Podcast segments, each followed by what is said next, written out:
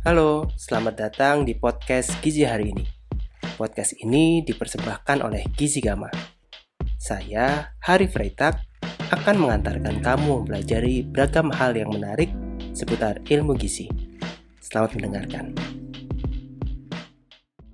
Ada beberapa fakta mengenai postprandial glucose. Jadi kita kalau di dalam klinik ya kadang-kadang kita memberikan dua jam postprandial, ada yang pakai glukosa, ada yang makan aja. Kita perlu memahami perbedaan. Kenapa? Karena respon glukosa terhadap makanan itu bisa beda-beda. Kalau glukosa dalam yang kita ketahui, yang kita ukur dengan cara melihat perubahan glukosa setelah dua jam, kalau kita mengukur suatu bahan makanan sendiri aja, bisa jadi ketika dimasukkan dalam konteks sehari-hari itu bisa beda. Kenapa? Karena penyerapan glukosa itu dipengaruhi oleh zat gizi lain.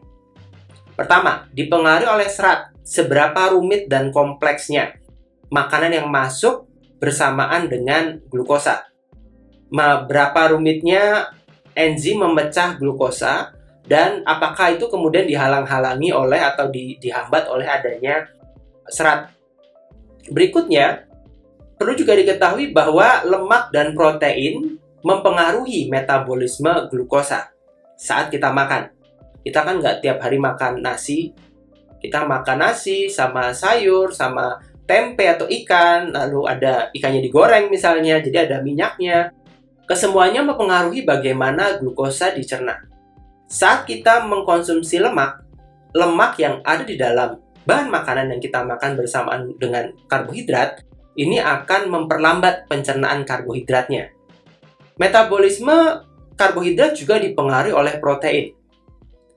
Protein, seperti hanya glukosa, mempengaruhi produksi insulin.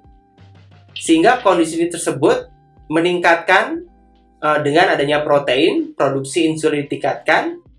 Dengan protein yang meningkat, insulin yang meningkat, maka proses pembersihan glukos atau uh, orang menyebutnya glucose clearance atau influx masuknya glukosa ke dalam jaringan itu ikut meningkat. Jadi kalau ingin mempercepat efek dari insulin ya memas meningkatkan serapan glukosa ke dalam uh, jaringan, maka kita bisa makan lebih banyak protein. Kalau kita ingin sedikit menghalang-halangi atau memperlambat, bukan memblok ya, karena memblok itu sama sekali nggak terserap yang dilakukan lemak itu adalah memperlambat proses pencernaan glukosa.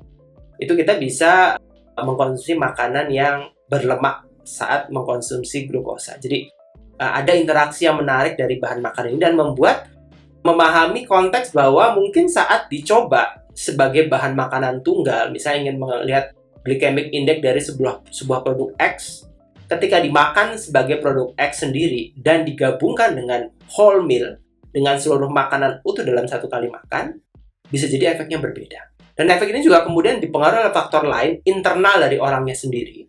Misalnya, apakah orang tersebut memiliki kualitas atau fungsi enzim amilase yang baik, fungsi insulin yang baik, uh, apakah dia diabetes atau tidak, dan banyak faktor yang mempengaruhi bagaimana glukosa masuk. Jadi, ada banyak variabilitas dari antar individu ketika kita ingin mengecek sebuah respon glikemik terhadap bahan makanan. Terima kasih telah mendengarkan podcast ini.